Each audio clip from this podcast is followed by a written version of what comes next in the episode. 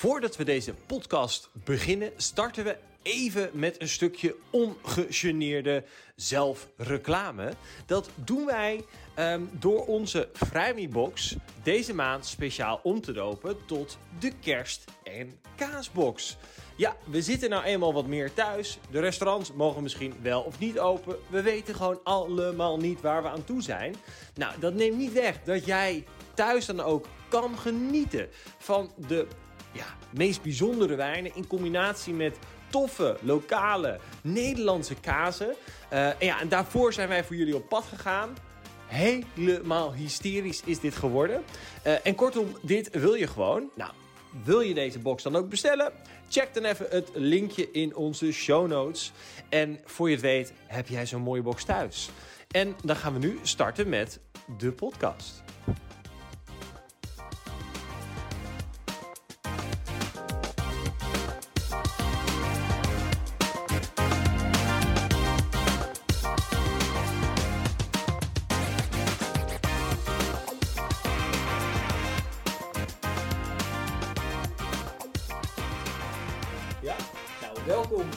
Een, een nieuwe podcast van Le Club et Sommelier.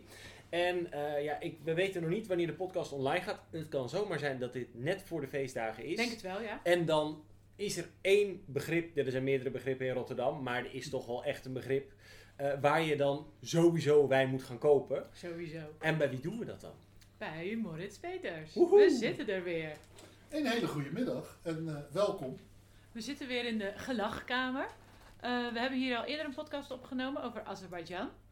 Uh, was ook heel gezellig. Ja, en, En toen, nu? Ja, toen hebben we ook gezegd van, we hebben, Oh ja, toen we hebben we toen al WZ4, gezegd. en dat doen we eigenlijk nog steeds, maar toen hebben we van Moritz hebben we die masterclass gehad met versterkte wijnen. Ja.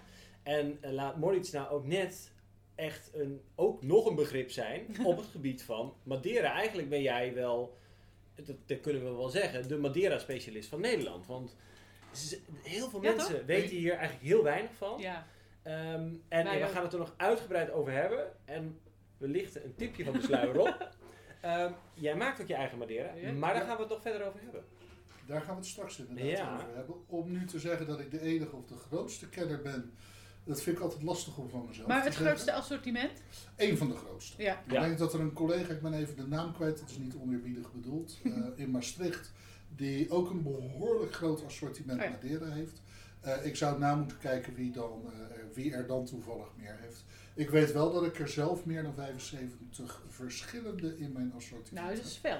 Dat, Dat is wel best veel. Ja, en Ja. dat eh, gaat van een normale, simpele drie jaar ouder eh, tot een eh, Freschiera of Vintage Madeira, zoals dat eh, vroeger genoemd werd, eh, uit 1850 terug.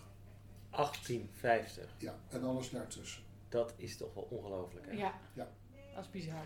Nou, we gaan het er zo uitgebreid over hebben. Maar voordat we dat gaan doen, gaan, hebben we het altijd even over de wijn van de week. Ehm, en die, eh, eh, dat vroegen we je net al, dus die heb je al eh, ietsje kunnen voorbereiden. Weet je het, weet je het nog? Welke wijn sprong er bovenuit? eh, in deze week zijn er, eh, eh, nou eigenlijk pik ik, nee dat, dat mag er nog wel bij. Ik heb vorige week, eh, vrijdag, heb ik voor mijn klanten, mijn eigen klanten, via Zoom een eh Bourgogne-proeverij Mhm. gehad met eh Edmond Connu. Klein huis wat ik, dat ik samen met een paar andere collega's importeer in Nederland. En ehm, ja, een van de absoluut geweldige wijnen die we daar geproefd hebben, was niet alleen de La Dois Blanc, maar was de Corton Bressande. Mm. Eh, 2017. En die staat zeker nog in mijn, eh, mijn geheugen gegrift. Eh, maar die staat ex equo met een fles die ik afgelopen zondag heb gedronken. En ja, als we dan toch, ja, ik kon niet kiezen. Eh, en Ja, als we dan kan ook nooit kiezen. toch over versterkte wijnen hebben, Oh ja. eh, uit mijn privécollectie eh Coburn Vintage 1983. Mm. Dat waren voor mij de twee toppers van, van deze week. Ja. Nou, we zetten ze in de show notes. Kan iedereen het weer eh, opzoeken. En van die wijn, de eerste wijn, heb je nog voorraad? Zeker. Zetten we dat Van de tweede ook, maar Oh. het is privé denk ik. Misschien dat er nog een paar flessen online te bestellen zijn.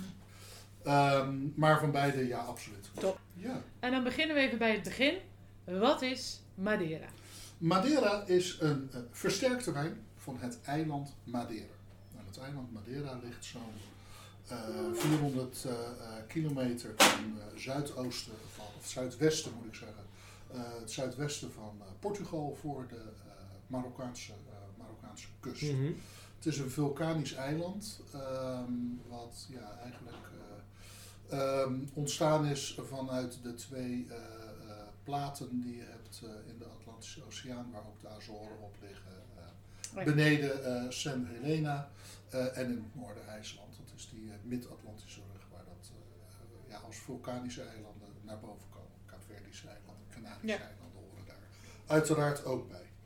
En het toeval wil dat eh, Madeira, en dan gaan we gelijk een klein beetje vertellen over de geschiedenis, Mhm. vorig jaar eh, zijn 400-jarige jubileum heeft Mm. gevierd. Dat betekent dat, en dan moet ik heel even terugdenken, 1619 Zo. het eiland eh viert eh, van de kolonisatie van het eiland. En Ja. dat is vanuit, vanuit Noord-Portugal gebeurd. Ja. Volgens mij was het 1419, en is dus 600 jaar. Oh ja. En ehm, volgens mij heb je toen ook al eens verteld eh, dat er een bijzondere Madeira toen was gemaakt. Ter ere van het jubileum. Ja, dat klopt. Eh Blendies heeft ter ere van dat jubileum een, een, een hele speciale, eh, bijzondere cuvée geproduceerd. Eh, samengesteld uit de belangrijkste druivensoorten. Straks Komen we even zo uitgebreid Ja. eh, toelichten. Eh, maar dan hebben we het voor deze blend hebben we het over ehm, eh, Sergio, Verdelio, Boal, Malmsey en Terrantesh. Mhm. Ehm, alles op eh, de beste manier gemaderiseerd. Antairo, dat ga ik jullie ook straks uitleggen. Eh, en vanuit drie verschillende eeuwen. Dus jonge. Madeira uit de 21ste eeuw, naar oudere Madeira uit de 20ste eeuw en de oudste Madeira uit de 19e eeuw. Daar hebben ze 600 flessen van gemaakt voor het 600-jarig jubileum. En ehm, die zijn in een mondgeblazen eh kristallen karaf, Mm. zilveren top, eh, houten kist met eh, lokaal ehm, eh, rietwerk erin verwerkt. Super chic. Prachtig, ja, handgegraveerd. Op de voorkant van de stop, die zilveren stop, die over de hals overigens heen gaat, zie je een, eh, wat is het, 16 of 17e eeuwse rede. dus de haven van de eh, stad Funchal, de hoofdstad van Madeira. Eh, op de achterkant zie je eh, het dorp, eh, de stad Funchal. Ehm, Meegenomen? eh, ik heb helaas geen meegenomen. Eh, ik heb ze wel kunnen proeven. eh, daar ben ik eh, zeer erkentelijk voor. Eh, ik heb ze helaas niet mee kunnen nemen. Eh, want eh, ja, de prijs van die flessen eh, die ging iets verder dan eh, de diepte van mijn eh eh, zakken. Hoeveel kost dat? Zomaar even voor... eh 6.500 euro. wow. Zes en Zo'n een latasje. half. Duizend Ja. euro. Jeetje. Pittig. Dat is een hoop geld. Zeer bijzondere en, eh, en unieke wijn. Dat was een duur slokje. Dat was een zeer duur slokje, ja. Ik eh, denk het duurste slokje van vorig jaar. wel mooi dat het ook wel vorig jaar was. Ja, nee, Ja. dat was, ja, nee, ja helaas. Eh, ik ben in oktober ben ik in, eh, in Madeira geweest eh, met klanten. Daar hebben we hem kunnen drinken. Ik ben in januari ben ik, heb ik nog het geluk gehad dat ik er eh, eh, eh, zakelijk ook nog heb mogen zijn. Hoe lang is het eigenlijk vliegen? Eh, het is eh, ja, ongeveer twee keer 2,5 uur. Je hebt, het is ongeveer vier uurtjes als je Transavia vanaf Schiphol pakt. Eh, maar dat is voor zakelijke reizen, dat is voor vakantiereizen prima te doen. Alleen voor zakelijke reizen eh, ja, is net of een dag te kort of een dag te lang. Het is, Oh ja. eh, voor mij, voor mijn werk is dat wat lastiger. Dus ik vlieg meestal met eh, eh, Air. Portugal TAP. Ja. En dan vlieg ik of via Oporto of via, via Lissabon. Ah ja. En dan is het ongeveer twee uur en een kwartier, twee uur, en- tweeënhalf uur naar Lissabon. En dan vanaf Lissabon naar Madeira is eh, ja, goed anderhalf uur, een uur en drie kwartier zo ongeveer. Dat is prima op zich. Leuke Ja. excursie ook. Het is, Madeira staat ook wel weer hoog op het lijstje. Ja, zeker. Ehm, nog eventjes kort over de geschiedenis. We Ja. weten nu hoe oud het, is, maar hoe oud of hoe is eigenlijk Madeira ontstaan? Want dat is ook weer net als heel veel wijnen een soort van per toeval ontstaan, toch? Ja en nee. Ehm, nou, Madeira, wat ik eh, eh, al zei, een klein beetje over die kolonisatie, is ehm, eh, vanuit Noord-Portugal, dus vanuit de stad Porto en die omgeving, gekoloniseerd. Eh, en die eerste ehm, eh, bezoekers of kolonisten, of hoe, hoe je dat ook moet zeggen, Ehm, die hebben hun druiven meegenomen vanuit Noord-Portugal. Nou, vanuit die hoek ehm, zijn zij die druiven daar op het eiland gaan aanplanten. En zie je dus eh, ja, eigenlijk Noord-Portugese druiven Mhm. daar, zoals Verdelho, zoals Malvasia fina. Dat zijn druiven die, uh, die je ook in Noord-Portugal tegenkomt. Tussen Lissabon en, Ja. en de Spaanse grens. Ehm, daar is men op een gegeven moment achtergekomen, uh, of althans dat, dat is een beetje gelijktijdig ook met port, uh, dat het vervoer van vaten wijn over zee langdurig, dat Mhm. dat niet de kwaliteit ten goede komt. Dus men is die wijnen gaan versterken.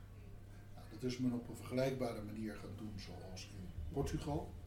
Uh, alleen ja, het eiland Madeira is afgesloten van het uh, Portugese vasteland. Kijk, nu kan je er met een vliegtuig komen, je kan er een, eh, een, een vrachtschip naartoe sturen. Maar ja, vroeger uh, kon het ook gewoon zo zijn dat in, met slecht weer, in, het slecht, in het winterseizoen, dat er ook gewoon maanden geen, geen schip kon komen. Ja. Dus dan zie je dat men daar op een wat andere manier is gaan versterken dan in Noord-Portugal. Men is net als in Noord-Portugal de 4, 4,5 procent uh, alcoholische vergisting, is, heeft men een vergisting gestopt door toevoeging van een alcohol. In, Frankrijk, in um, Portugal, bij port moet dat een wijnalcohol zijn. Ja. Dat is niet verplicht voor Madeira. Wordt dat wel dus altijd gedaan? Of? Nee, dat wordt niet altijd gedaan. Dat kom ik misschien dadelijk terug als we hele oude Madeira's even gaan ruiken. Daar hebben we wat voorbeelden van staan. Uh, maar dat ga ik zo uitleggen wat een beetje naar de achtergrond van is. Uh, port wordt versterkt met een alcohol van 70%. Ja. Daar proef je dus altijd nog hoe klein dat ook is. Dat zou je in theorie nog een beetje terug kunnen proeven. Mm -hmm. uh, en hoe beter die alcohol is, dus bijvoorbeeld een vintage port gebruik je een alcohol dan voor de standaard uh, supermarkt uh, Ruby of Tony. Uh, dat kan je daarin een beetje terugproeven. Dat is een andere leuke podcast. Daar gaan we het andere keer over Mm, hebben. In dit geval Madeira.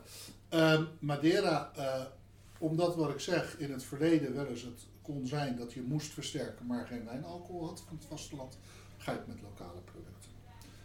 Um, en ga je het met wat lokaals doen. Om te zorgen dat je dan een zo zuiver en neutraal mogelijk alcohol hebt, stook je het door tot 90%. Oh.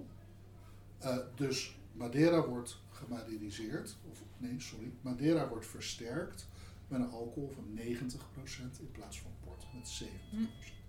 Heel technisch, maar dat geeft, uh, daar kan je wat makkelijker een andere alcohol mee gebruiken. Dat is gewoon netjes toegestaan en daar is absoluut niets mis mee. Dat uh, misstaat uh, niet en dat doet niets af aan de kwaliteit van Madeira. Maar dat is een klein technisch verschil. Mm -hmm. uh, waarom deed men dat? Nou, Madeira kent drie belangrijke landbouwproducten. Uh, waar we het in, voor de podcast in de voorbespreking, kort in de voorbespreking ja. over gehad hebben. Um, uh, jij, jij meldde, ik ken bananen daar. Nou, ja. dat klopt. Een bananenrepubliek. Die, zie, die zie je ook veel. Uh, en die eten ze overal bij. Ik heb daar de, de meest, oh, ja. ja die, bij de meest geweldige visgerechten ja. op z'n Rotterdams gezegd pleuren ze dan een bananenprakkie bij. Ja, ik heb dat een Ja. keer gemaakt ook. Maar dan gaan we het zo nog bij de wijnspijs Dat mag jij dadelijk Ja, ja, ja. eh, gaan doen. Leuk, Eh, leuk. bij, bij Scabbard bijvoorbeeld. Eh, maar overal doen ze banaan bij. Dat is één. Tweede landbouwproduct is suikerriet. Ja. Je hebt ook een aantal distillerijen op het eiland. Distille- Distilleria della Norte in het noorden. En je hebt in het zuiden heb je er nog twee. Het derde landbouwproduct is druiven. Als je dat even weet, bananen even links gelaten, suikerriet, rum, daar kun je Ja. alcohol Ja. van stoken. Dat werd ook gedaan. Dus als je geen wijnalcohol had, maar je moest versterken omdat je de oogst had, maar het schip Ja. was vertraagd, want de wind was toch een slecht, alternatief. dan had je een alternatief en dan kon je die Mm. rum doorstoken naar 90%, geen houtlagering meegeven en dan kon je er van dat suikerriet, alcohol, gebruiken om eh, Madeira te versterken. Ja. En is dat dan ook nog het geval in die hele oude Madeira's? Juist. Kijk. Dan kom je terug, bruggetje. Nee, we zijn zo goed in die bruggetjes hier, hè? Ja, ja, ja. Eh, en dan kom je terug als je die hele oude Madeira's gaat proeven. Eh, en dan bedoel ik echt Madeira's uit de 19e eeuw. eh, waar ik het geluk van heb om daar een aantal van te proeven. Dan doen dat soort Madeira's je wel eens denken aan een oude rum. Mm. Ik ruik iets van suikerriet Wat daarin mooi. terug. Je kan niet nakijken waarmee dat versterkt is, maar het vermoeden dat het dan op zo'n moment met zo'n eh, alcohol van rum is versterkt, ja, die is dan wel aanwezig. Als je weet dat het mocht toen. Ja. Ja. En dus dan kan je dat er een beetje aan herleiden. Dat is geen Leuk weetje. exacte- Ja, dus een leuk weetje is geen exacte wetenschap. Dus is ook niet gegarandeerd dat het er dan in zit. Nee. Het werd niet genoteerd, het werd niet opgeschreven. Ja, ze hadden alcohol, we hebben alcohol toegevoegd. Maar ja, om dan in de eh, eh, boekhouding terug te gaan zoeken waar hebben ze die alcohol Ja. dan gekocht en waar, die is van, waar is die van gemaakt. Ja, eh, dat soort gegevens zijn niet meer, zijn niet meer beschikbaar. Nee, maar wel leuk. Ja. Ehm, Oké, nou dan, dan gaan we van de schi- geschiedenis. Of wil je nog iets zeggen over de geschiedenis? Nou ja, nee, ik denk dat als je dit een beetje de geschiedenis hebt, dan gaan we ook een beetje kijken naar de stijlverschillen. We hebben het nu over een versterkte wijn gehad. eh, en we hebben een link gehad met Oporto. Mhm. Dan zou je kunnen denken, Madeira en Port zijn vergelijkbare producten. Dat Mhm. klopt. Allebei Op het moment dat we hier zouden stemmen. Het is allebei Portugees, het is allebei versterkt. Het is, zijn allebei producten die voor de export ooit bestemd zijn geweest. Ja. Ehm, maar er zitten twee verschillen in. Madeira is voornamelijk van witte wijn gemaakt. Hè, dus ook al heb je rode Oh ja. druiven, daar Ja. komen we straks op terug.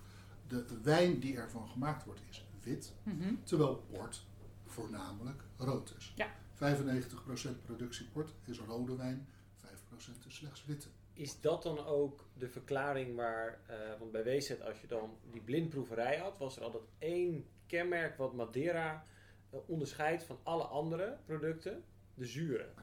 Met de richting waar die wijn op ging.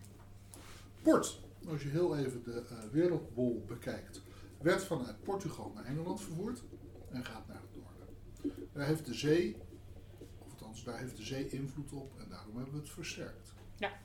Ehm, maar daar heeft het klimaat, de temperatuur op zee geen invloed op. Want je gaat naar het noorden, dus het wordt niet warm. Als we vanuit Madeira, wat al sowieso eh, veel zuidelijker ligt, Mhm. het ligt voor de kust van Marokko. Als we daar eh, vanuit het verleden die wijn gaan vervoeren, dan gaan we naar het zuiden toe. We gaan naar het Caribisch gebied. Ja. We gaan naar het noordelijk deel van Zuid-Amerika. En we gaan naar beneden toe, om Afrika heen.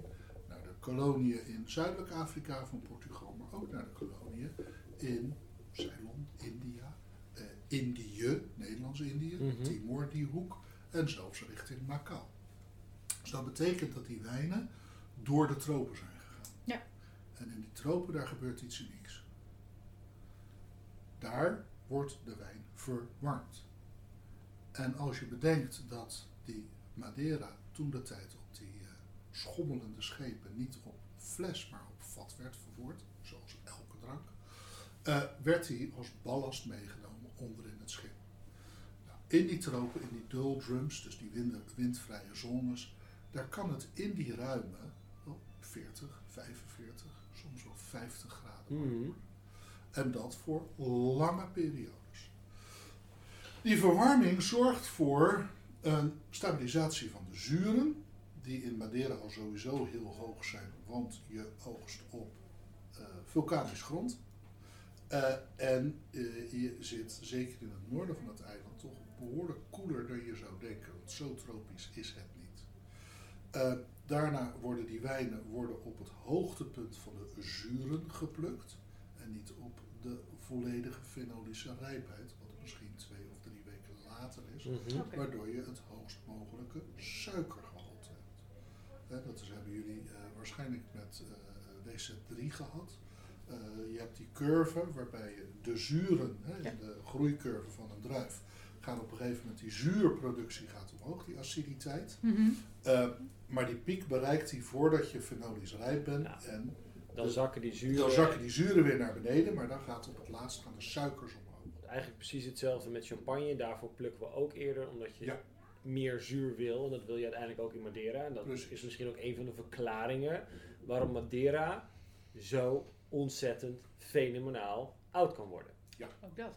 En Onderdeel van. nou ja, dat is het tweede gedeelte, want het moet überhaupt gemaakt kunnen worden voordat het zo oud kan worden. Ja. Dus het moet ook nog eens een keertje die verwarming aan kunnen. En veel belangrijker voor die, dan die rijping, dat is een hele prettige bijkomstigheid. Veel belangrijker zijn die zuren voor het feit dat je het daarmee kan maderiseren. Die zuren zorgen ervoor dat die wijn die verwarming aan kan. Mhm. Kan die wijn die verwarming niet aan, ja, dan hoeven we het helemaal niet te hebben over, eh, over rijping en over hoe lang je iets kan bewaren. Ja. Dus het is al veel belangrijker in stap 1. Ja. Eh, en die zuren die worden gestabiliseerd. In wezen wordt die wijn gepasteuriseerd. Hmm. Oh, Dat maakt het natuurlijk ook weer... 45, eh, graden. 50 graden, ja. soms tot 54 graden wordt er verwarmd. Die wijnen krijgen een soort van natuurlijke pasteurisatie. De suikers, hoog suikergehalte is ook een conserveringsmiddel, hoog zuur.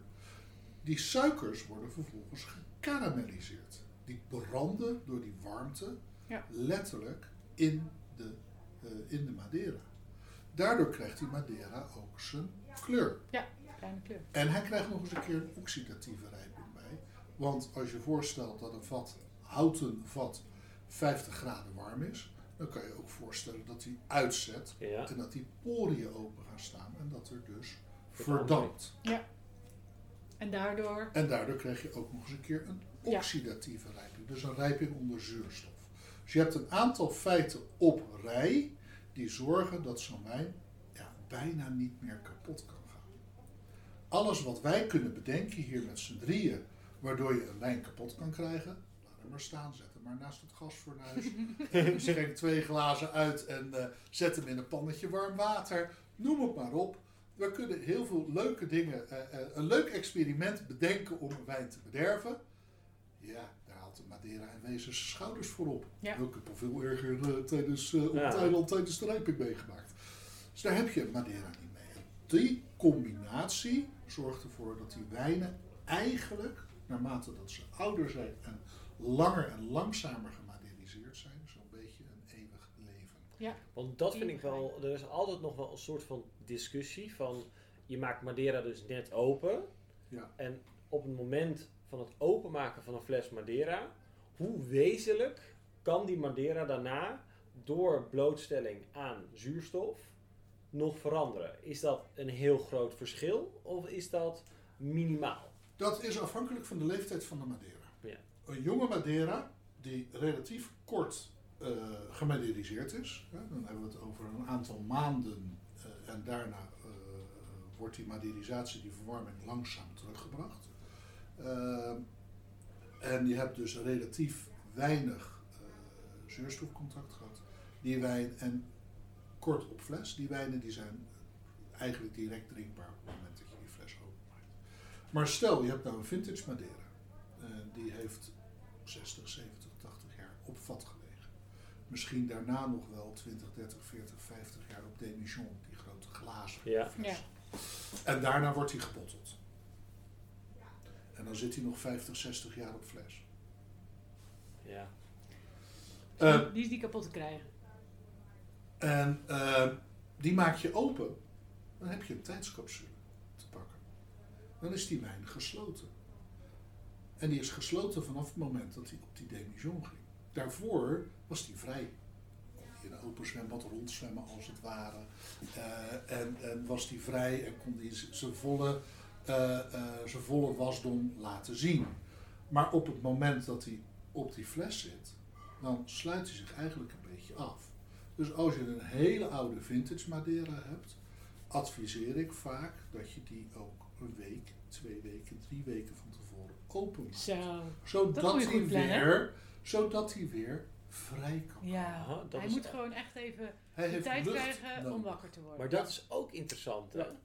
Ja. En dat is wat toch wat Zo'n we coma. vaak... Hij, lag, hij is comateus. Ja, Die moet aan gewoon... Hij infuus, is een zuurstofinfuus. Nou ja, winterslaap zou ik Ja. het liever.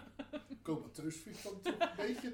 Wij maken het meteen weer erger dan het is, hè? Lekker dramatisch. Hij heeft geen covid, hè? maar nee, zo'n wijn moet vrijkomen. Heel toevallig, eh, we hadden het net over wat was je favoriete eh, fles van afgelopen week. Eh, die Vintage 83, die is in 1985 gebotteld. Die heeft dus van 85, 1985 tot eh, 2020 heeft hij op fles gezeten. Dat is 35 jaar. Maar die had je dan had je al bedacht Ja, van, oh die ga ik dan drinken, dus die maak ik twee Nou, nee, nee, week. nee, nee, nee, dat is vintage sport, hè, dat is anders dan Madeira. Oh ja. Eh, oh, maar in dus- dit geval, maar er zit wel een parallel in. In dit geval heb ik hem 's ochtends gedecanteerd.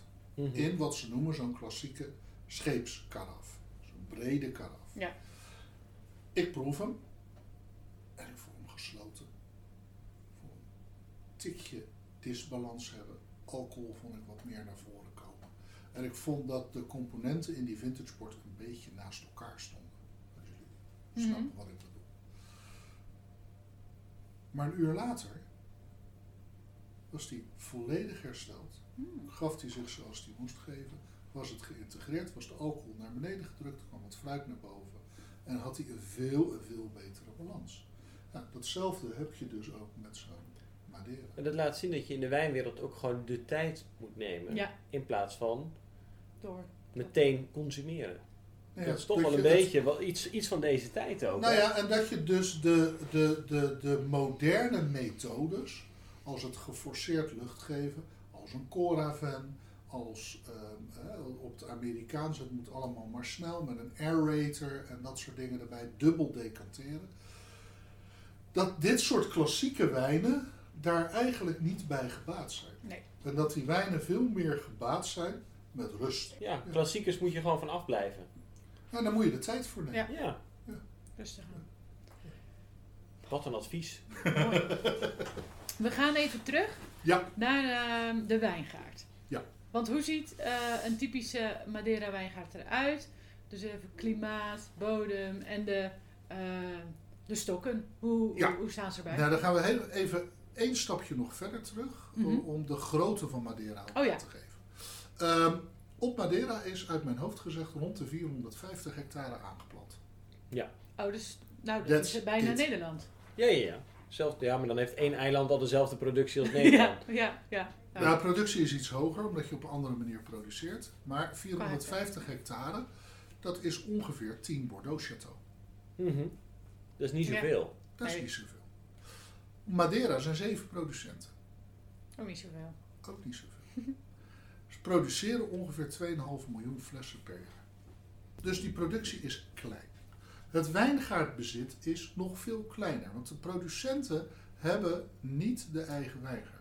Oh ja. Die zijn geen eigenaar van die wijngaarden, omdat Madeira productie van oudsher door handen, of eh, de Madeira verkoop door handelaren, net als Portugal, net Ja. als Porto. Eh, het zijn de handelshuizen die uiteindelijk de wijn maken en de druiven eh, kopen bij de boeren. Nou, een gemiddelde boer heeft, eh, ik dacht op Madeira, minder dan een derde hectare Hmm. is het gemiddeld wijngaardbezit. Is Dus- dat dan eh, net zoiets als in, volgens mij Ria's Bikestad en zo, dat ze gewoon een, paar rijtjes in hun tuin hebben?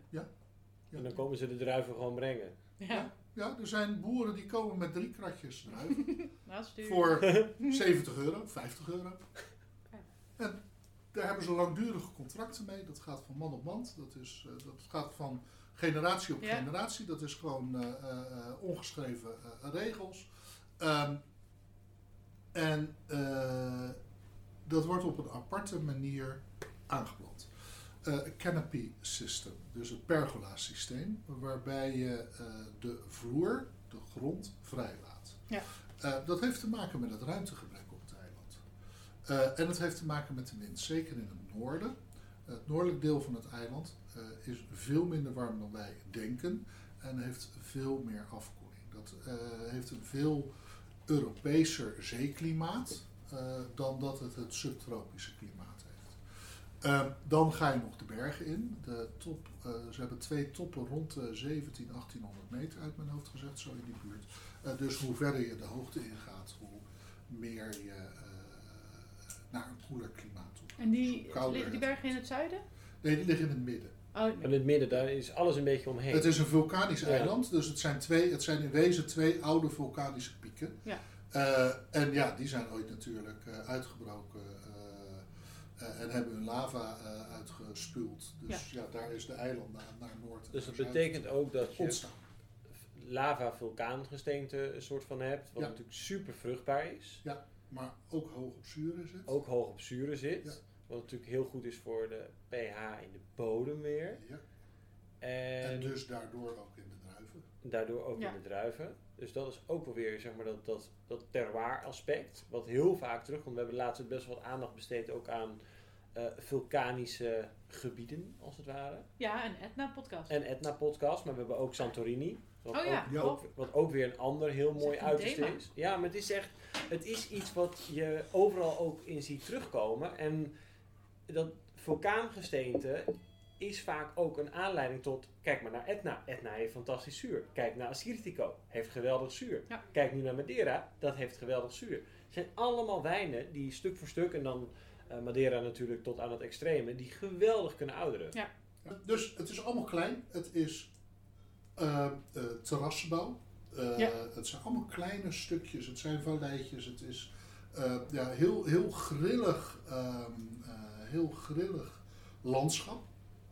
En ehm, doordat ze die pergola's gebruiken, kunnen ze de grond eronder ook gebruiken.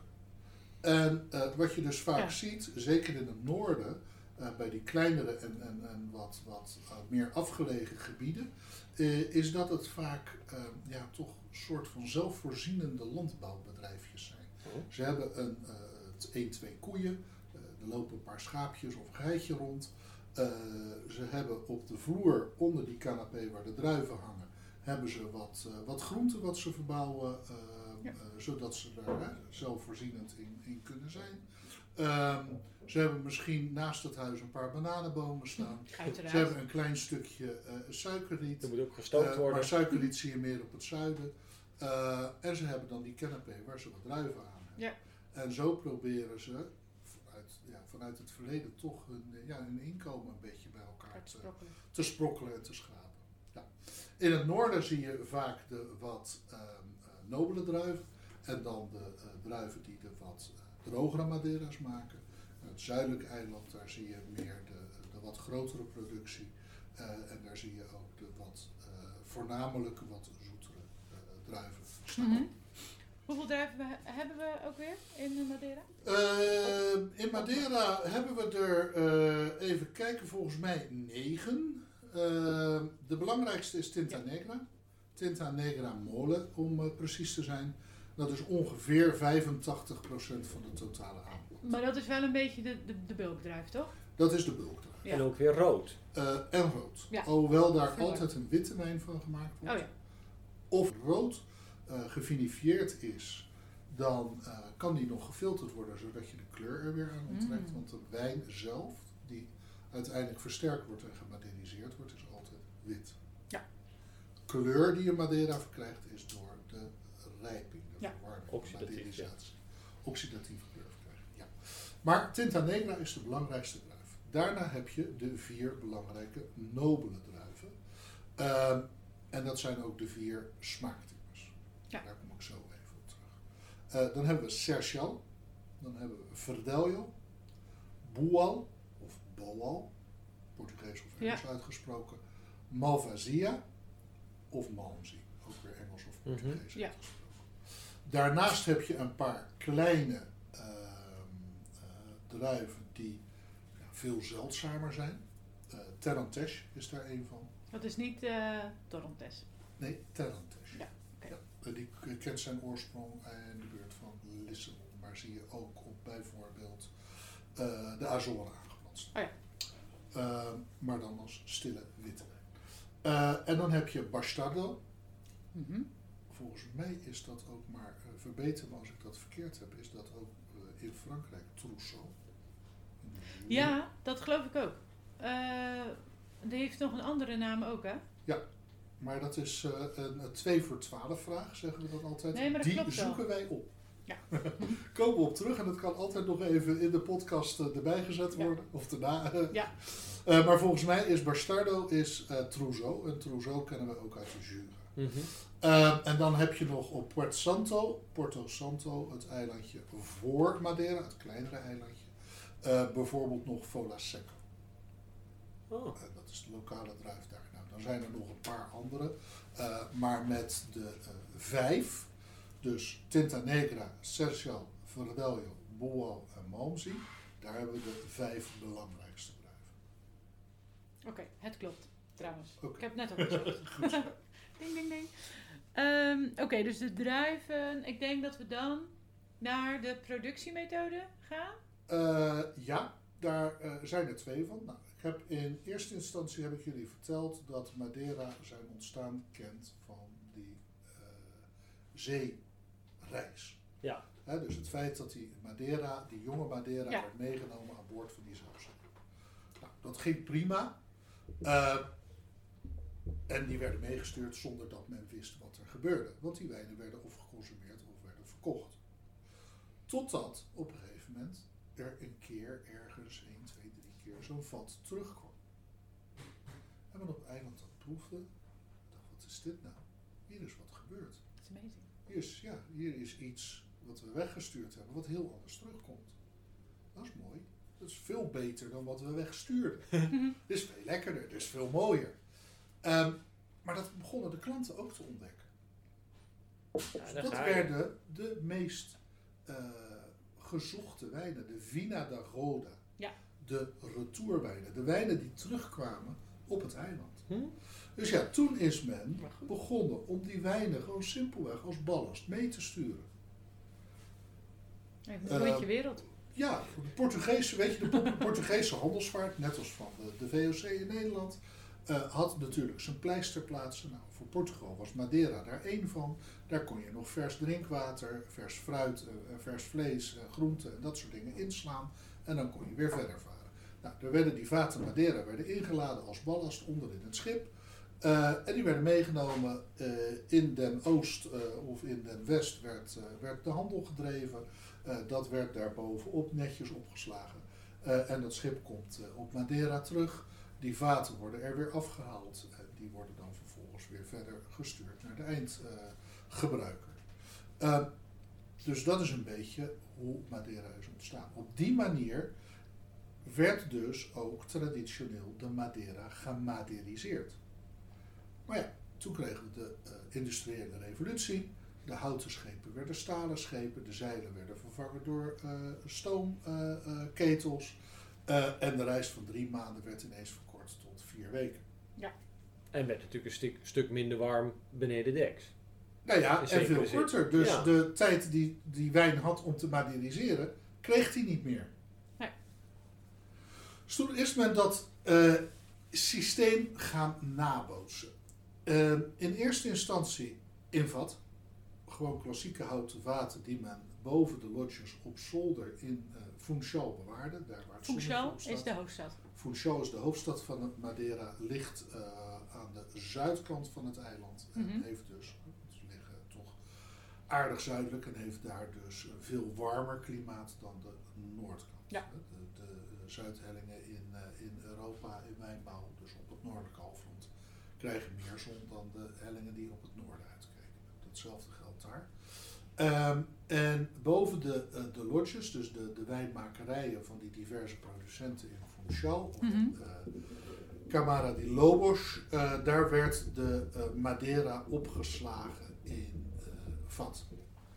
Nou, als je zo'n klassiek rij vaten herkent, eh, dan liggen die vaak op van die houten balken.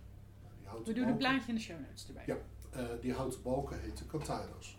Mm. En dat is ook de naam voor het systeem. Massaproductie en dat is het estufagen. Ja. Nou, estufa, als je daar een beetje van te zien naar het Nederlands zou vertalen, stoof. Stoof. Ja, vind ik wel. En een stoof verwarm je. Ja. Dus daar ga je het eh, vanuit, met, met, met mens- menselijke invloed, ga je vanuit verwarmen. Dat zijn betonnen eh, tanks, dat zijn roestvrij stalen tanks in sommige gevallen. Dat kunnen ook grote houten eh, voeders zijn, eh, waar eh, spiralen doorheen lopen, waar je warm water in laat rondvloeien Temperatuur gestuurd. temperatuur gestuurd. Dat kan tot 50, 54 graden zijn. Exact moet ik even weten, volgens mij is voor een basis Madeira minimaal drie maanden. Moet die eh, Madeira vers- 45 graden. 45 graden minimaal, Minimaal. verwarmd. Ja, en vier maanden. En vier maanden. Ja. Ehm, Dan moet uiteraard die wijn wel even eh, gecirculeerd worden want, eh, door dat vat. Want je kan je voorstellen als daar die spiralen doorheen lopen. De wijn die het dichtst bij die spiraal zit Ja. is warmer dan Ja. de wijn in het midden. Ja. Dus dat ga je eh, rond laten eh, pompen of, of met een schroep erin. Zodat die wijn zo gelijkmatig mogelijk maderiseert. Dan is er één producent, Barbaito. Die heeft een veel moderner systeem daarvoor. En die heeft een dubbele wand in zijn roestvrijstaande tanks. Die heeft Mhm. die, dat is speciaal voor hem ontworpen. En die hebben als het ware een mantel van warm water om Ah. zich heen. Mooi. Dat is een wat subtielere manier van verwarming. En dan kan je het zelfs tot eh, ja, wat, wat, zelfs nog wat ehm eh, secuurder, de, wel wat eh, eh, meer gerichter tot op de tiende graad nauwkeurig Ja. Want ehm, we zijn er net minimaal vier maanden. Ja. Eh, maar het kan ook soms wel veel langer duren. Het kan langer Dat je duren, bijvoorbeeld wat, wat, wat subtieler maar de eerste, de eerste maderisatie is vier maanden. Oh ja, oké. Op estufaar. Ja. Dat is voor de basis Madeira. Maar dan kan je niet gelijk de verwarming uitzetten. Want dan draai je die wijn kapot. Mhm. Je kan niet, hè, dus stel met een gewone fles wijn, eh, die ligt bij de open haard, die moet je niet gelijk in de diepvries leggen. Eh, die moet je niet gelijk afkoelen, want dan Nee. trek je alles Dat geldt dus ook voor die Madeira. Dus die vier maanden is op minimaal 45 graden. Dan heb je zeker zes maanden nodig om die temperatuur weer naar beneden bij te stellen Oh. en om die wijn te integreren. Dus die rijping gaat vervolgens nog door. Ja. Ehm, dan heb je een basis Madeira. Eh, dat is vaak, in de meeste gevallen, Tinta Negra. Dat is gewoon het werkpaard op Madeira. Ja. Eh, en daar kan je alle eh, smaaktypes, alle kwaliteiten, eh, alle leeftijden, kan je van Tinta Negra maken. Oké, dus er is ook goede kwaliteit van die druif. Absoluut hele Ja. goede kwaliteit. En sinds een aantal jaar is Tinta Negra is het toegestaan om van Tinta Negra ook Fresquera, dus vintage Madeira, en Colheita Madeira de hoogste kwaliteit. Dus hij krijgt toch al wat meer... eh, Ja hoor, en ik heb, eh, ik heb thuis van Enriquez en Enriquez ook al een 50 jaar oude Tinta Negra Oh. staan. Dus de oudste eh, leeftijdscategorie voor een gemiddelde leeftijd. Ja. Dus dat kan zeker. Maar alle basis Madeira en alle Madeira waar je geen vermelding van een druivensoort op ziet, is Tinta Negra. Alle Madeira die gemaakt wordt voor de voedselindustrie, en dat is ook nog steeds het ver uit het overgrote deel. kookmaderen, zeg maar. Kookmadera. Ja. Eh, ja, wat wij hier in de supermarkt koken. Eh, maar bijvoorbeeld in Frankrijk of in Duitsland in de voedselindustrie in sauzen gebruikt wordt. Mm. Madeira sauzen en dat soort dingen. Ehm, dat is allemaal Tinta Negra. Dat is ook gewoon omdat het het makkelijkste verbouwen is. Het is, ja, het is de, de ruif met het minste problemen om te Ja. verbouwen, minste eh, vatbaar voor ziektes, eh, grootste productie, eh ja, enzovoort. En dan- het ja. breedst inzetbaar. Je kan er dus de meest droge stijl Madeira van maken en de meest zoete stijl. Nou, dat is een leuk bruggetje, denk ik. Mhm. Ehm, want er zijn natuurlijk heel veel soorten Madeira. Er zijn heel veel soorten in leeftijd, maar er zijn vier smaaktypes. Ja. Die leeftijd gaan we het zo even over hebben. Dat had ik net al een beetje kort gedaan, maar daar kom ik zo wat verder op terug. Eh, er zijn vier smaaktypes. Dat is dry, dat is medium dry, medium rich en rich. Ja. Dus droog, half droog, half zoet en zoet. Ja. Tinta Negra, wat ik net vermeldde, kan je in al die vier smaaktypes maken. En die andere druiven, De die hebben nobele druiven, ja, een nobele druiven hebben hun eigen categorie. Een Sercial is altijd droog. Ja, ik had dat onthouden. Nu komen ineens al de ezelsbrugjes weer terug. Want wij moesten dit natuurlijk leren voor 45, het groot examen. Mhm. Dat ik Sercial sec, Ja. Ja. dus droog. Verdelho is medium dry. Boal is medium rich. En Bual? Is rich. Oh ja. Bij Bual, eh, dat, is, dat is het bruggetje van eh Cas, onze eh, klasgenootje. Die zei, die zei bij Bual, Bual, boe, heet, warm.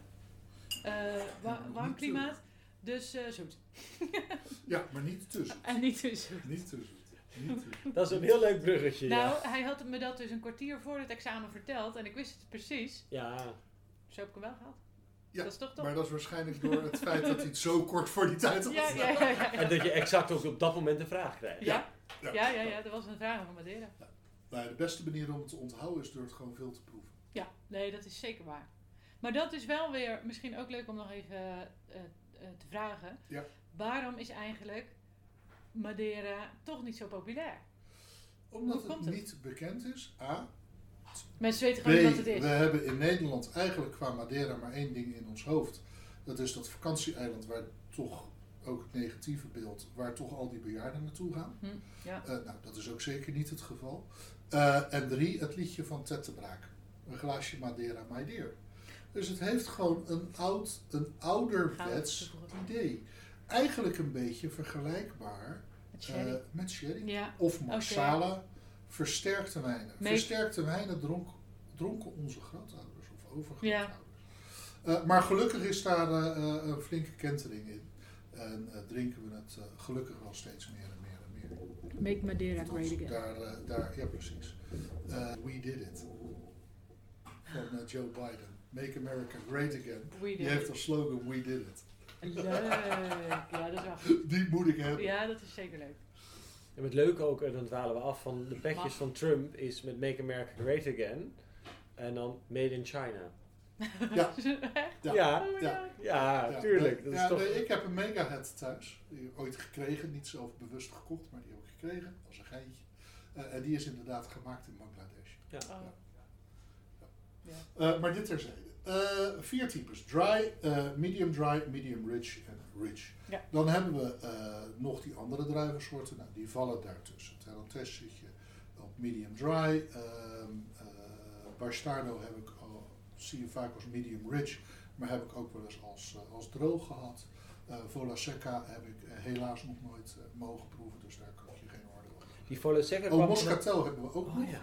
Maar dat is heel oud en die is volgens mij ook niet meer aangeplant. Dus als je al Moscatel tegenkomt, en net als Moscatel Sherry, eh, dan eh, is dat hele oude voorraad.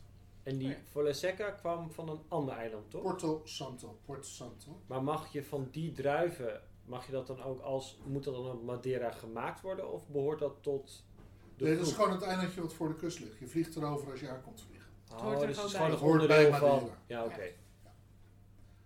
Ja, een soort hoek van Holland van, eh, als we in Rotterdamse termen blijven, het is de hoek van Holland van Madeira. Alleen zit er dan een nieuwe waterweg tussen. Ja, Weet je, het is- ik goed uitgelegd. Ja. Ik snap het nu precies. Ehm, dan hebben we dus de soorten, maar dan hebben we ook nog de Types. aged. Ja, de types. Eh, standaard Madeira eh, is drie jaar oud. Consumptie Madeira. Ik heb het nog niet over. eh, eh, eh, ik heb het nog niet over Made- koop Madeira eh, gehad. Mm. Eh, maar ik heb het nu. We beperken ons volledig tot, tot consumptie Madeira. Ja, Dus de jongste klassificatie is drie jaar oud. En dat is dan, want net als bij, bij Sherry moet het allemaal binnen die driehoek rijpen. Is, dat, is daarin, Dat moet Madeira? Madeira, gerijpt ja, zijn. ook Madeira. Maar Ja. niet bijvoorbeeld in Functional of Nee, nee, nee, nee, nee, het moet niet per se. Eh, Blendies heeft zijn wijnmakerij, dus de Madeira Wine Company, eh, bij de industriële zone net voorbij het vliegveld. Ehm eh, Oliveras en Barros, H&M, nee sorry, Olivera en H&M Borges zitten in Funchal. Enriquez en Enriquez zitten in Camara di Lobos en Barbaito zit boven Camara di Lobos.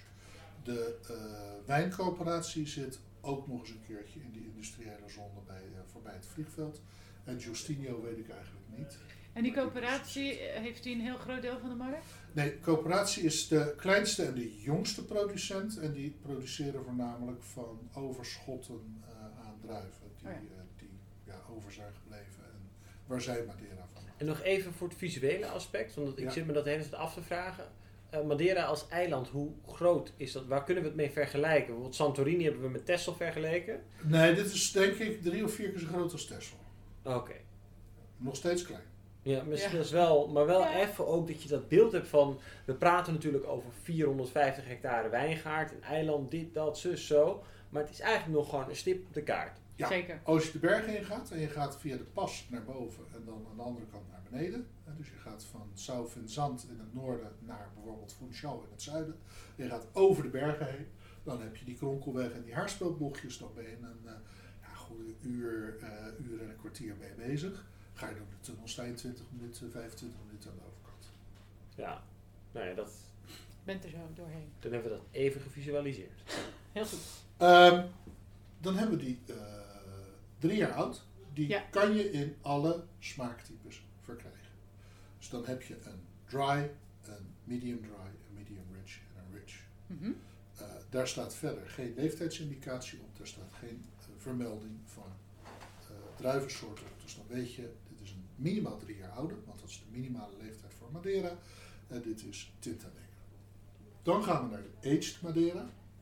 Met een leeftijdsindicatie, zoals dat heet.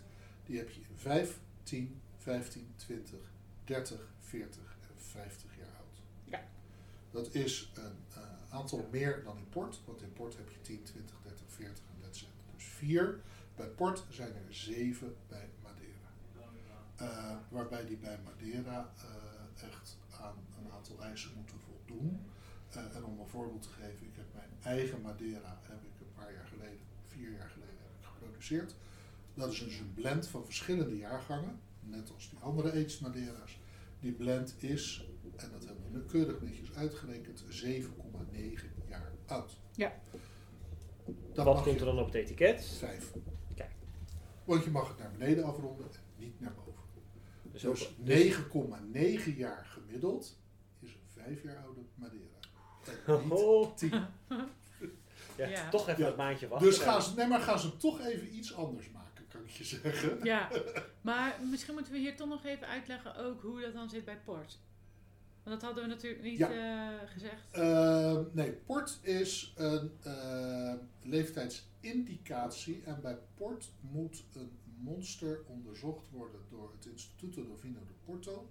En moet het het karakter hebben van een 10 jaar oude, van een 20 jaar oude, van een 30 of van een Ja, 40 en dat zegt dus niet dat port, dus een 10 jaar oude Tornio, echt daadwerkelijk 10 jaar oud is, maar het is een kwaliteitsaanduiding. Precies. Ja. Eh, dus Maar ook- ja. In tegenstelling daar, eh, tot Madeira, waar het daadwerkelijk een vastgestelde Ja. leeftijdsindicatie is, waar je Ja. aan voorwaarden moet voldoen in rekenmodules om op die gemiddelde leeftijd uit te komen. En is die dus gemiddeld minimaal 15, 15 jaar. Ja. 20. En vaak kan dat dus 50 dan ook nog ouder zijn in het geval van Madeira, omdat Ja. je naar beneden moet afronden Ja. en om dan weer even de vergelijking naar port te trekken. Eh, want ik heb daar echt wel heel vaak gezegd, oh ja, lekker zo'n 40 jaar oude port. Kijk, in port kan dus ook wel iets zitten wat weer ouder dan 40 jaar is en over iets wat jonger, om maar tot die bepaalde consistentie te komen. Dus Ja. bij een Maar port is kan het wel een ook beetje weer... zoemelen. Ja, maar het is Nou de ja, kunst van het blenden. een groot woord. Ja, oké. Eh, je Je kan ermee spelen. Het is the art of blending. Je kan ermee spelen en het ligt meer bij de wijnmaker. Terwijl bij Madeira je ook die rekenmodules rekening mee moet houden. Dat je echt tot die leeftijd komt. Ja. Dat is één. Eh, dan hebben we leeftijd, of, dan hebben we Madeiras met een jaargangclassificatie. Dan hebben we één Colheita. Nou, Colheita, de naam kennen we uit het Portugees. Ja. Colheita is jaargang in het Portugees. Eh, en dat is een eh, Madeira van één enkel jaar met een minimale leeftijd van, uit mijn hoofd, acht jaar. Mhm. Ehm, en dan heb je de hoogste klassificatie, en dat is Freschiera, wat men vroeger vintage Madeira noemt. Die moet minimaal 20 jaar gerijpt zijn eh, voordat hij op fles komt, maar dat kan soms veel langer zijn. Minimaal 20 jaar? Ja. Oké. En ehm, kun je ook weer van alle soorten een vintage maken? Kan je zeg maar ook een, een, een medium rich vintage? Eh, nee, want op de eh, vintage Madeira staat geen smaakindicatie. Oh, kijk. Maar, eh, wat is het dan? Kan, ja, dat, dat ligt aan het vat. Dat ligt aan hoe het vat zich ontwikkelt. Dus het kan eigenlijk alle kanten op. Eh, nou ja, kijk, een Sergial zal nooit zoet worden. Oh ja, dan moeten we weer kijken naar de druif. Want je kijkt naar de druivensoort. Eh, een Terrotesh zal altijd medium dry zijn. Ja. Eh, een Boal zal altijd medium rich zijn. En een Malvasia zal altijd full rich zijn. Dus dan kijk je naar druif. Want ik zie nu die, die flessen hier voor ons staan. Ja. Maar als er dan dus niks op staat verder, dan ehm, zetten ze dus zowel de druif als het, de soort erop. Voor, ja, ehm, als je ervan uitgaat dat een Verdelho altijd medium dry is, Ja. kan je het medium dry eraf halen op het moment dat je Verdelho zet. Voor de duidelijkheid in exportmarkten zetten ze dan op een aged Madeira er vaak nog wel bij. Alleen ja, de mensen die een vintage Madeira kopen, ja, Maar die worden weten wel geacht iets meer van Madeira af te weten dan de gemiddelde eh, consument. En daar ga je er gewoon vanuit. Oh ja, Dus ik je snap gewoon het Boal en Boal is medium rich. Medium rich, want je hebt daar ook nog medium rich. Ja, Ehm, En Oh. hier hebben we dan, eh, we pakken er gewoon even wat bij, een Verdelio. Dus uit 1968. maar daar staat dan de druif erop. Maar je hebt dan er dus ook één en daar staat alleen het soort erop. En dan moet je zelf even bedenken, als, als je Nee, als de- geïnteresseerd bent, welk druif het is. nee. Want als alleen is. Het eh, type erop staat, Ja? Kan, hè, dus het is een dry, een medium Ja. dry, medium rich ja. of rich. En er staat verder geen leeftijdsindicatie op, geen druifvermelding. Dan weet je dat is een drie jaar oude Tintanegra. Oh. Gebotteld in de stijl dry, Ja. medium dry, medium Ja. rich, rich. Oké. Nou, je moet toch best even nadenken hoor, bij zo'n Madeira. Ja, maar dat is, kijk, het, het, het is misschien soms wat makkelijker nog dan port. Omdat je heel duidelijk, de, omdat misschien de regels wat duidelijker zijn. Het is wat, vind ik. Hè? Ja, en ook de ja. druivensoorten. Kijk, port kan natuurlijk ook van alles gebruikt worden. Zijn het field blends, dan heb je True. niet echt een idee wat er altijd Ja, specifiek het is in natuurlijk jouw... nooit een monocepage. Nee, en hier heb je wel meer expressie van druif en terroir. Ja. Wat het natuurlijk ook wel heel interessant maakt. Ja. En het heeft best wel veel overeenkomsten, vind ik, met port. Alleen Ja. is het natuurlijk wel iets wat helemaal op zichzelf staand is. Zeker. Maar dan is het leuk om jullie eh, eens wat unieks te laten proeven. En iets wat je normaal eigenlijk nooit proeft. Eh, dit, is Vinden een, we altijd leuk. eh, dit is Boal 2017.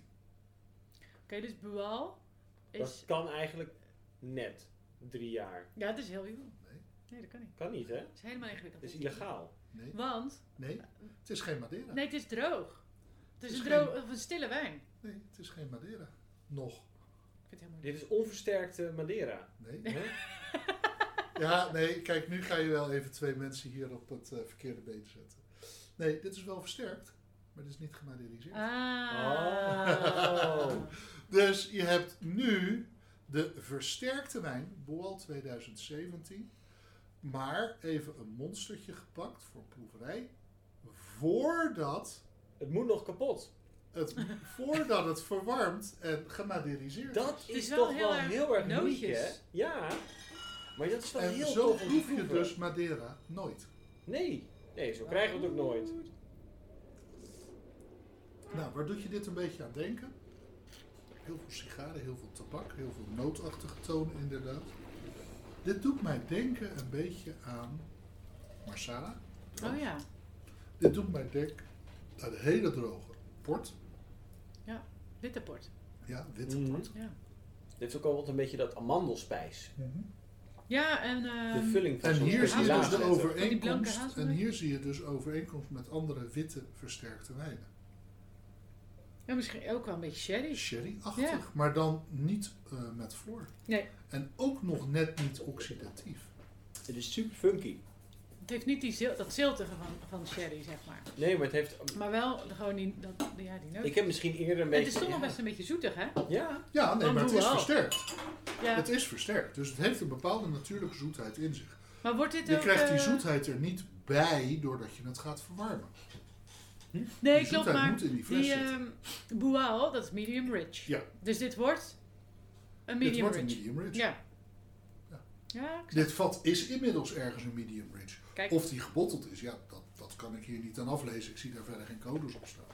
Eh, dat is een ander verhaal. Maar dit is, ehm, zoals ik één keer, eh, twee keer een, een, een, een masterclass proeverij op het eiland zelf heb gehad. Eh, gewoon met de wijnmaker zelf. Voor joh, we gaan de stappen in productie proeven. Maar dat is leuk, want zo begin je ook echt Ja. het hele product te Dit is het most. De most, sorry, De most, ja. zeggen. De most. Eh, dit is een versterkt. We nu in ons glas.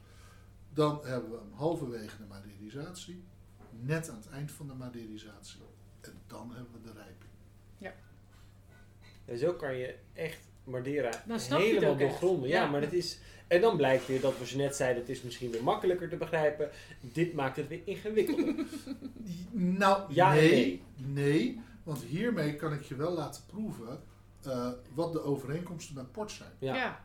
Dat, dat is het nu. ja, Dat is van- nu. Nu- en dit is in wezen een vergelijkbaar product Ja. qua productieproces als Ja. port. Nou, wat maakt eh, Madeira dan anders? Nou, dat gaan we hier naproeven.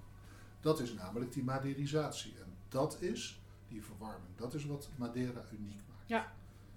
Dat gaan we nu langzaam doen. Of jullie moeten nog willen vragen? Ik denk dat we, dat we het productieproces en alles hebben ge- behandeld. Dus dat Ja. is helemaal goed. En ik denk dat we dan tijdens het proeven misschien nog wat kunnen zeggen over bij Madeira en food. Ja, Ja. en, en de bakbananen. Oh ja! Iets met de bananen. Iets met bananen. Iets Ja. met Eh, bananen. ja, dan beginnen we eigenlijk het meest droge dat we kunnen doen. Eh, en we hebben hier een aantal wijnen. Jullie kunnen natuurlijk niet meekijken. Eh, ik heb een aantal wijnen van de producenten waarmee ik werk. Eh, ik heb een, een, een Madeira van Kosser en Gordon. Ik heb Barbaitu. Ik heb Enriquez en Enriquez. Ik heb Blendies. En ik heb mijn eigen Eastwell Madeira. Eh, daarmee laat ik jullie eh, in breedte eh, Madeira van verschillende producenten. En dus ook in verschillende stijlen proeven. En focus ik niet op één producent, want dan krijg je de, ja, toch wat meer de indruk van de producent in plaats van hoe breed Madeira kan, kan zijn. Eh, en dan beginnen we met Enriquez en Enriquez. En daar hebben we de Montsecco van. En dat is de meest droge Madeira. Eh Montsecco is dan een drie jaar oude eh, Tinta Negra. Ja, kijk, en van Madeira, die nog niet helemaal Madeira is, gaan we naar Madeira die dus drie Ja. jaar oud is. Onze Secco, ja, dat is, klinkt heel oneerbiedig, eh, omdat het toch een eigen product is. Maar vind ik, kan je het beste vergelijken met een droge, een extra dry white port. Ja. Ehm, Snap ik. en dan hebben we het over de, bijvoorbeeld de Sirocco van Fonseca. Dan hebben we het over de extra dry white van Graham's. Dan hebben we het over de eh, chip dry van Taylor's, om, eh, ja, om drie merken eh, te noemen. Dus droge witte Madeira, waar je bijvoorbeeld een vergelijkbare eh, long drink mee kan maken als een met eh, witte port. Dus eh, dit met tonic, Ja, dat is helemaal een hip. schijfje citroen en een blaadje munt. Maar ik moet ook weer denken aan onze Spirits Masterclass. Mhm. Al, vaak bij Madeira. Omdat het toch ook al die... Ja, het is ook een versterkte wijn. Ja, maar ook een beetje dat gekarameliseerde en zo Mhm. natuurlijk. Die Nee. Madeira, juist door die unieke eh, productiemethode, geeft een, een, een, een zo'n ander beeld van wijn en zo'n ander smaakprofiel dan welke andere wijn dan ook. Eh 120, 130 jaar oude wijnen die extreem hoog op zuren zitten, die eh, proeven alsof ze net gebotteld zijn. Mhm. Weet je, het is eh, smaakcombinaties. We hebben het over citrus, eh, grasstonen, ehm, eh confijt fruit, hoge zuren, tabaksblad, eh, eh, theeblad. Weet je, dat, dat, dat soort combinaties, ja, die vind je eigenlijk vrij zelden eh, in de wijnwereld, behalve dan op Madeira. Ja. Dit is droog. Mooi hoor. Relatief leuk. droog. Hm, heel tof. Ja. Van die droge stijl gaan we naar een drie jaar oude. Blijven we even bij, de, eh, bij dezelfde eh, drie jaar oude serie van Enriquez en Enriquez. Maar dan gaan we van de droogste stijl, de rainwater, of de, niet de rainwater. Ehm, we gaan van de droogste stijl, de Monte Secco, naar de meest zoete stijl. En hier hebben we de drie jaar oude Full Rich. En eh, heeft het dan ook weer met de... Want deze is veel donkerder van kleur. Ja. Maar wel drie jaar oud ook. Ja, je kan die Negra kan je dus op een verschillend moment plukken. Aha. Oh ja. Voor de droogste types pluk je hem wat eerder, zit hij hoger op zijn zuur, heeft hij wat minder suiker. Voor de meest zoete pluk je hem wat later, moment dat je net wat meer suiker in je druifje hebt zitten. Dat is één. Ten tweede kun je ook een klein beetje spelen met het moment waarop je versterkt. Dus hoeveel restsuiker heb ik nog in mijn most zitten eh, voordat ik de vergisting stopt. Nou, dat kan je bij, de, ehm, eh, dat kan je bij een droge Madeira kan je iets eh, later eh, versterken, Ja. je wat meer suiker verbruikt hebt. En bij een zoetere doe je hem iets eerder versterken, waardoor je wat meer restsuiker hebt. Het, het leuke is, ehm, doordat dit natuurlijk rijk is, zoet, ehm, maar wel gewoon fantastisch zuur heeft, heb je veel meer balans Ja. dan in een PX bijvoorbeeld, wat Zo, ja. gewoon zo log, zoet en lomp kan zijn. Ja. Eh, natuurlijk zijn er ook andere producenten die dat op een andere manier doen, eh, maar even stereotyperend. Eh, dit is veel spannender en het is wel zoet, maar het- door die zuurtegraad ervaar je dat heel anders. Ik vind dit meevallen, terwijl ik niet van heel erg zoet hou. ja, want het is Eh, toch full rich. Ja. De drinkbaarheid van Madeira is veel groter dan van bijvoorbeeld een PX. Ja. Ja? Eh, PX vergelijk ik eigenlijk altijd met dat beroemde nummer van de opposite. Daar zou ik het eerste woord niet. eh, Dom, lomp en famous. Ja, ik wou zeggen. Kop hem even in. lomp en famous. Ja. Ja. het is Ja. heel beroemd, iedereen kent het. Maar eigenlijk zijn het hele, hele, vind ik, eh, snel vermoeiende wijnen. Vaak. En zeker niet alle. Ik bedoel, Nee, nee, eh, we zeggen... hè, Siminola, eh, wat is het, hoe heet het ook weer? Eh, Gimenola Spines. eh, Ja. ja. En de Ja. Pandorga. ja, zeker. Dan heb je prachtige PX-wijnen aan. Maar als je in basis kijkt naar wat grote producenten als PX neerzetten, joh, je bent blij als je je glas leeg hebt. Oh, Zeker. Poeh. Het is En hard dan moet werk je hoor. hard Oh, voor werken. ja. Maar er worden echt, ik vind het nog steeds fascinerend, want nou ja, ik, ik ben dit jaar, ik heb wel de helft van het jaar niet gewerkt inmiddels. Ik weet ook niet hoe, hoe dit jaar gaat eindigen. Maar mensen vragen altijd, Ja. en dan bij Het is kaas, echt oh, famous. heb je zo'n heerlijk PX'je? Oh. En dan denk je ten eerste, 9 van de 10 keer weten mensen niet dat ze sherry aan het drinken zijn, wat natuurlijk al Nee, een schande is. Eh, ten tweede is het zoet, nog zoeter dan een blikje cola. En kan Eh. het eh, bij eh 90% van de kazen niet? Nee. Nee. want het is zo zoet en overstemmend en bijna branderig. Je moet Ja. daarna... En vaak boeven ze er ook nog mee, en dan gaan we erover ophouden. Is van dan komen die druiven komen uit Moria, Mo- nee, Montier Marief. Yes. Yes. Yes. Eh, en dan is het zo ontzettend zoet, dik druivensap dat het niet eens wil, dat die vergisting niet wil starten, maar wordt het wel versterkt. En dan mag je het officieel gezien niet eens wijn noemen, maar het wordt toch gedaan. En Spa- sherry mag het wel. ja, in sherry mag het In dus de rest wel. van, in de, rest van de wereld mag- het niet, want dan heet het officieel gestilde most. Ja, Ja. Dus dat is ook allemaal weer zo bijzonder. Ehm, maar daarom een oproep aan iedereen die luistert. Hou je van PX? We willen je niet beledigen. We vinden- we willen natuurlijk ook wel dat je blijft luisteren. Tuurlijk. Ehm, Maar we wensen je veel andere wijnen te proeven. ja, nee, dat sowieso. En echt, Madeira opent echt je ogen. Ja. Vooral, vooral vanwege dat zuur. En dat is, ik zit nu ook in de zure fase in mijn leven, maar de zure- zure fase. ja, de zure fase. maar zuur is amazing. Ja. Zeker. Zuren geeft drinkbaarheid. Spanning. Eh, spanning, eh, drinkbaarheid, eh, geeft complexiteit aan wijnen en is eigenlijk waar ik altijd naar op zoek ben. En of we het nou over Madeira hebben, of we hebben het, hè, ook de vorige podcast, eh, bijvoorbeeld eh Azerbeidzjan, eh, wat toch wat warmer, wat warmer gebied is. Of ik kijk naar de wijnen die ik zelf uit, uit de nieuwe wereld importeer.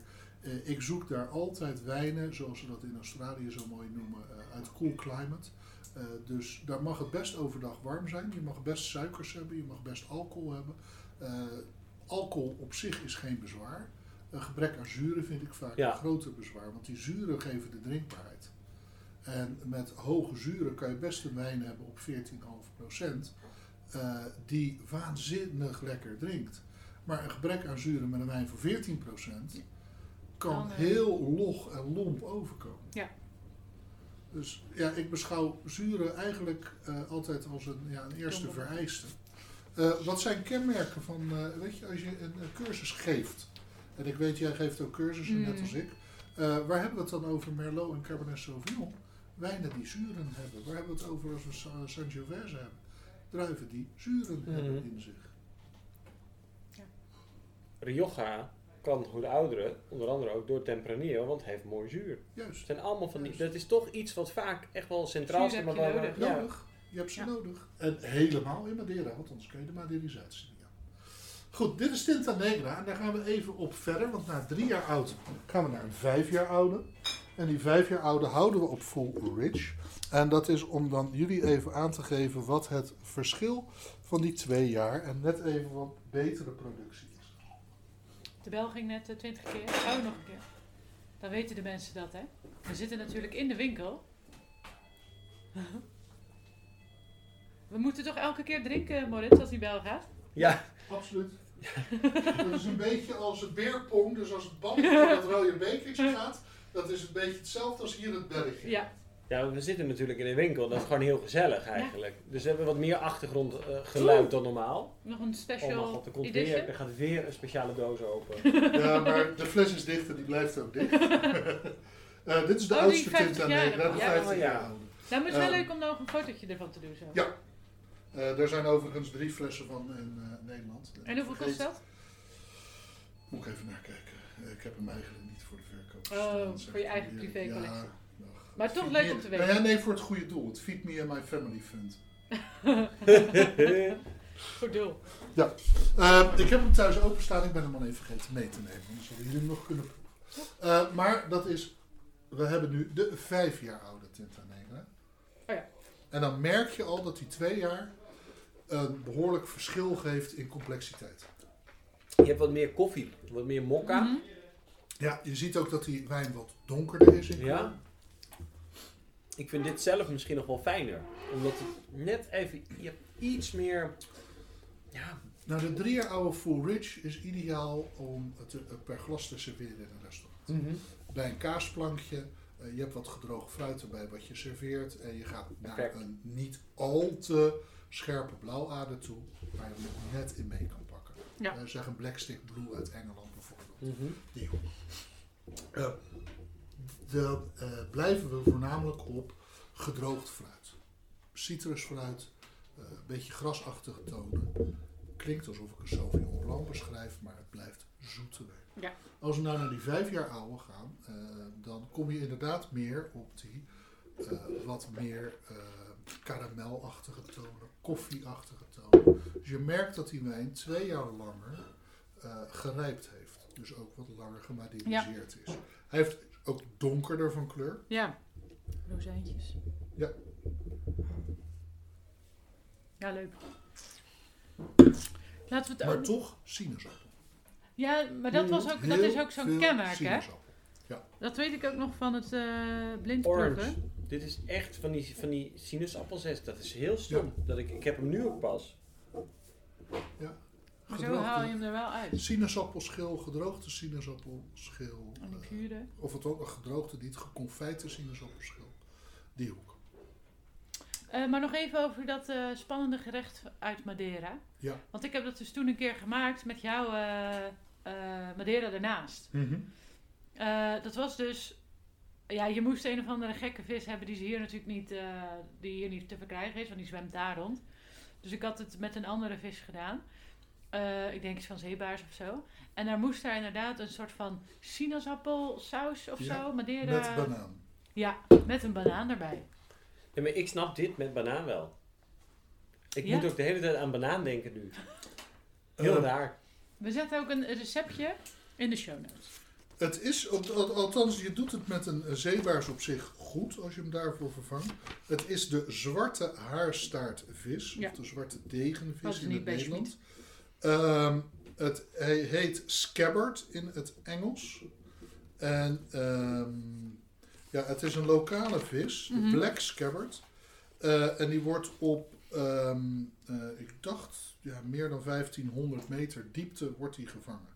Het is de, ehm, eh, het is de meest, bekende, eh, meest bekende vis op Madeira voor ja, de lokale cuisine, de lokale keuken. Ja. Ehm, het is best leuk om daar een fotootje ook van eh, Oh, kijk. te Wat plaatsen. een, wat een beauty. Oh, dat is die Ja. vis die zo Dat diep is die scabbard. Ja. Zo. Ja. Jeetje, die heeft een rotkop. ja, maar ja, in het donker, in het donker valt dat niet Donker zie je normaal gesproken. Zie Hij heeft ook hele grote ogen. Eh, drie, vier keer zo groot als wat je normaal zou verwachten. Maar dit is wel een leuk gerechtje hoor, voor de kerst. Jazeker. eens wat anders. We gaan dus diepzee vissen. En En eh, hier heb je hem. Eh, black scabbard fish with banana. Eh, Sinaasappelsaus of zo? ja, even kijken. Nou, een van de bekendste is eh, Mare Alta in, eh in Funchal. En eh, ja, daar zie je ook het, eh, het gerechtje. Ik laat even het, eh, aan de Ja. luisteraars Oh, nee, met passievrucht. Eh, en ook met passievrucht, ja. Ja, ik heb het een keer gemaakt. Het is een hele Ja. tropische keuken. Het is een absoluut Logisch. hele tropische keuken. Ja, in ieder geval dit soort gerechten. Ja.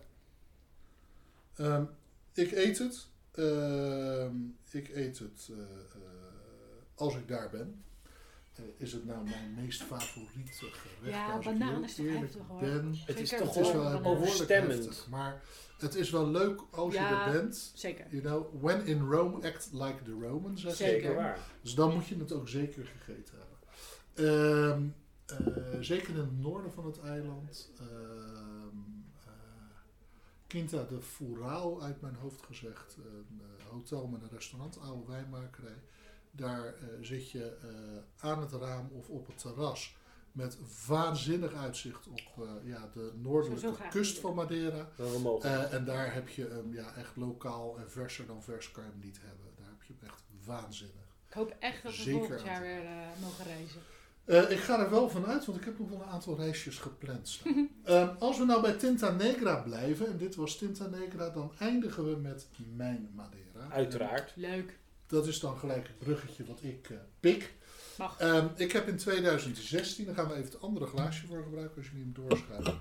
Heb ik bij de Madeira Wine Company, eh, dus de, eh, de, het moederbedrijf van eh Blendies en Kossen en Gordon onder andere, heb ik mijn eigen Madeira mogen maken.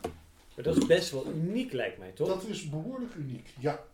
Eh, dat is ook met eh, volledige medewerking van eh, eh, de Blendy eh, familie. Van Francesco Albuquerque, de, wijn, eh, de, de hoofdwijnmaker. En eh, de toenmalig exportdirecteur ben ik eh, naar Madeira toegevlogen. Ehm, en ja, in het kort uitgelegd heb ik mijn eigen blend mogen maken. Nou, er stond in een ruimte stonden vatmonsters klaar en die ben ik letterlijk gaan proeven. De wijn is Tinta Negra, vandaar de laatste Tinta Negra die we nu gaan proeven. Eh, het is Tinta Negra, maar het is volledig Cantairo opgevoed, dus de Oh ja. hoogste kwaliteit Ja. en niet Estuvaga. En die andere die we net hebben geproefd, waren allemaal... eh, Ehm aged Madeira is Cantairo, non-aged indicated, dus de Oh ja. drie jaar oude eh, is ook Cantairo. Boven de vijf ga je uit mijn hoofd gezegd naar de... eh, nee, sorry, ik Oh. zeg het verkeerd. Ehm, de eh, drie jaar oude is uh, Estufagem en volgens mij vanaf de vijf jaar oude is het eh Cantairo. Eh, maar de drie jaar oude is Estufagem. Het is echt heel goed. ja, lekker. Ja. En dan, dan, stel- dan, ik ben al altijd heel commercieel ingesteld. Dat- Wij kunnen dit hier kopen. Niet meer, Niet meer.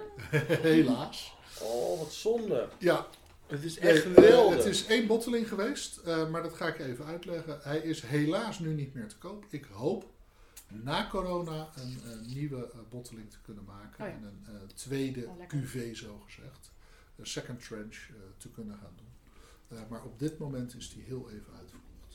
Eh Hier Madeira is wat een ik zei. Tinta Negra. En ik kwam daar ook binnen. We gingen die proefsessie in.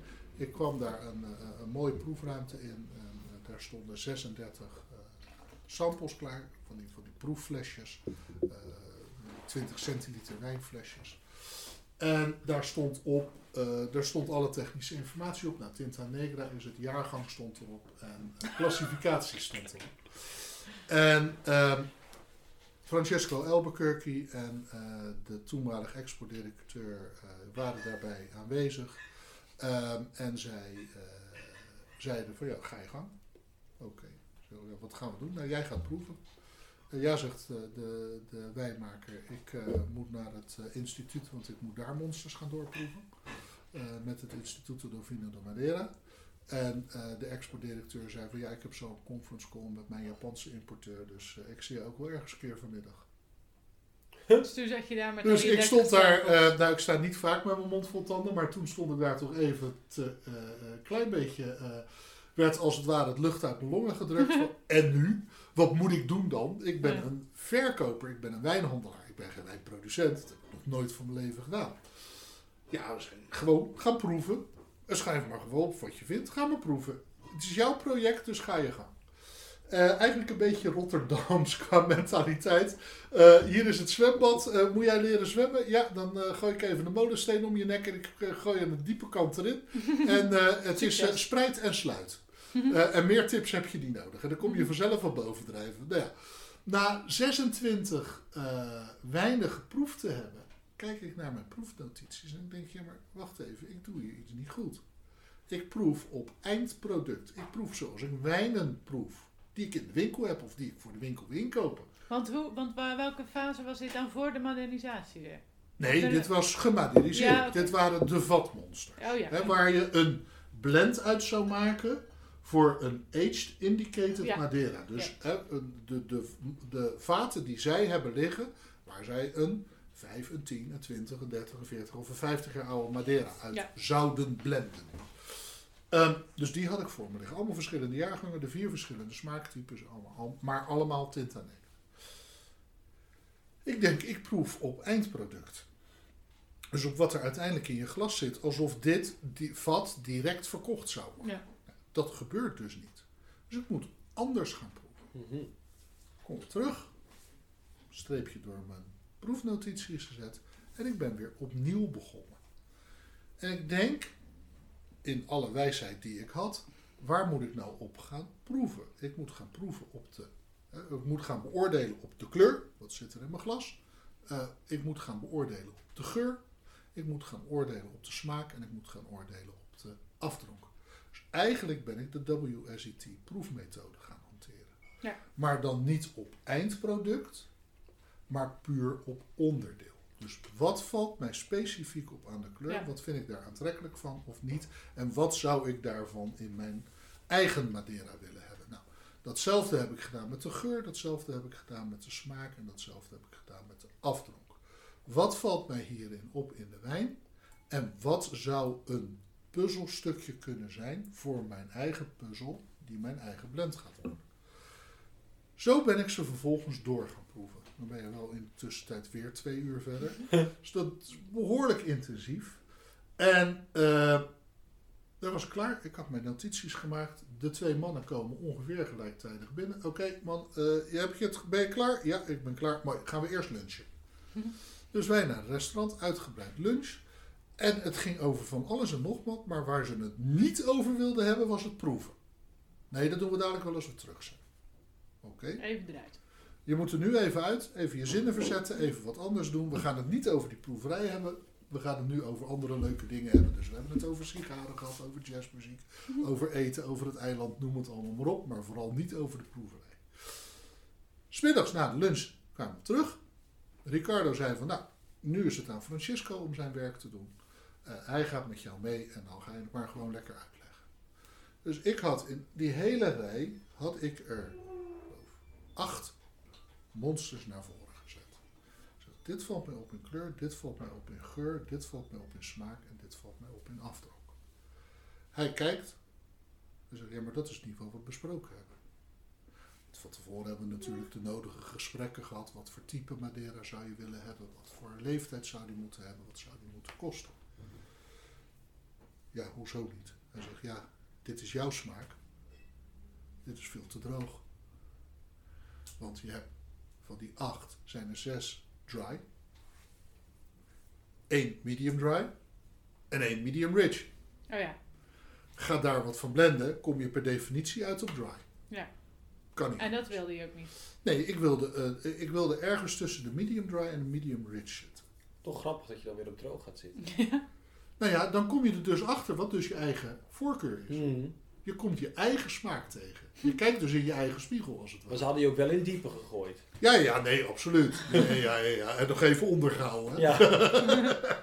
Maar goed, hij begon, pakte een groot bloknoot erbij en ging schema's maken. En daar kwamen wiskundige formules bij.